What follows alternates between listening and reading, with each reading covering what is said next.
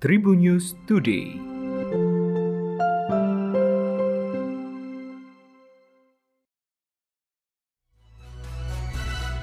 Halo Tribuners, berjumpa dengan saya Delta Gonzales dalam Tribun News Today untuk edisi hari ini. Kita mulai dari berita nasional.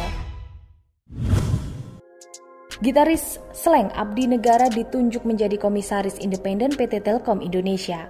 Dalam rapat umum pemegang saham, Menteri BUMN Erick Thohir menunjuk sejumlah tokoh untuk menggantikan Dewan Komisaris yang lama. Lantas, apa saja tugas Abdi Negara?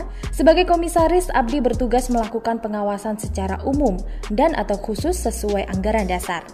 Komisaris juga bertugas memberikan nasihat kepada direksi, Tugas komisaris ini tertuang dalam pasal 108 UU RI nomor 40 tahun 2007 tentang perseroan terbatas. Abdi selama ini memang dikenal sebagai seorang seniman senior. Meski begitu, ternyata dirinya juga banyak berkecimpung dalam dunia digital. Menurut senior Vice President Corporate Communication and Investor Relation Telkom Indonesia, Ahmad Reza, Abdi Sleng pernah duduk sebagai tim pakar penyusun UU Hak Cipta dan pembentukan Lembaga Manajemen Kolektif Nasional atau LMKN. Tribuners viral di media sosial foto kilatan cahaya yang melintas di atas puncak Gunung Merapi. Foto itu tersebar di media sosial pada Kamis 27 Mei 2021. Kilatan cahaya yang berwarna hijau kebiruan yang seolah masuk ke dalam kawah itu diduga adalah meteor yang jatuh. Peneliti Pusat Sains Antariksa, Lembaga Penerbangan dan Antariksa Nasional atau LAPAN, Rorom Prianti Kanto, menduga kilatan cahaya tersebut adalah sebuah meteor. Roro mengungkapkan dari foto tersebut sulit dikonfirmasi apakah ada serpihan meteor yang tersisa dan sampai ke permukaan. Sementara itu, Balai Penyelidikan Pengembangan dan Teknologi Kebencanaan Geologi menerangkan Kamera CCTV Gunung Merapi yang berada di Deles juga sempat merekam kilatan cahaya itu. Kilatan cahaya tersebut terekam kamera CCTV yang berada di sisi timur Gunung Merapi pada 27 Mei 2021 pukul 11 lebih 8 menit malam. BPPTKG mengatakan tidak ada sinyal yang signifikan dari data kegempaan. Selain itu juga tidak ada laporan mengenai suara ataupun kilatan cahaya dari pos-pos lain pemantau Gunung Merapi. Dari kabar selebriti Tribuners demi mengobati penyakit autoimun yang dideritanya, Asanti sampai menjalani pengobatan ke Turki. Di Istanbul, istri Anang Hermansyah ini ditangani oleh dokter di rumah sakit terbaik. Setelah dinyatakan negatif COVID-19, Ashanti lantas menjalani serangkaian pemeriksaan, di antaranya pengecekan darah dan analisa beberapa organ lainnya.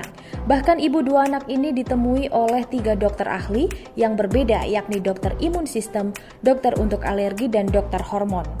Ashanti hanya ingin tahu mengapa penyakitnya ini tak kunjung sembuh, padahal sudah banyak mengonsumsi obat hingga ketergantungan. Diketahui penyakit autoimun adalah kondisi ketika sistem kekebalan tubuh menyerang tubuh si penderita itu sendiri. Ada lebih dari 80 penyakit yang digolongkan penyakit autoimun.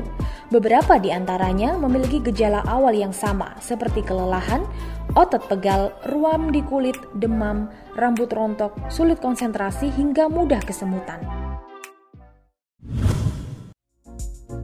Kompetisi musim 2020-2021 telah berakhir.